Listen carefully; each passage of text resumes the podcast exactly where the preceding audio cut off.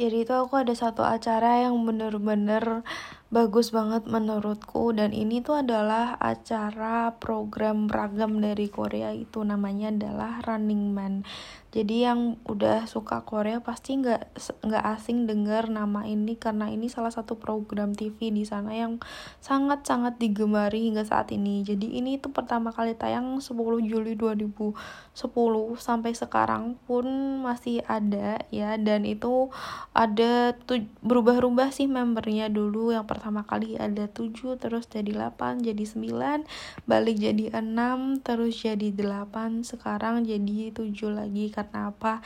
Emang banyak member yang keluar masuk gitu loh. Jadinya kan jumlah membernya beda-beda. Dan Running Man ini adalah salah satu pengaruh terbesar buat aku pas waktu aku belajar bahasa Korea. Karena dia ini membantu aku banget buat uh, mengimplikasikan bahasa Korea aku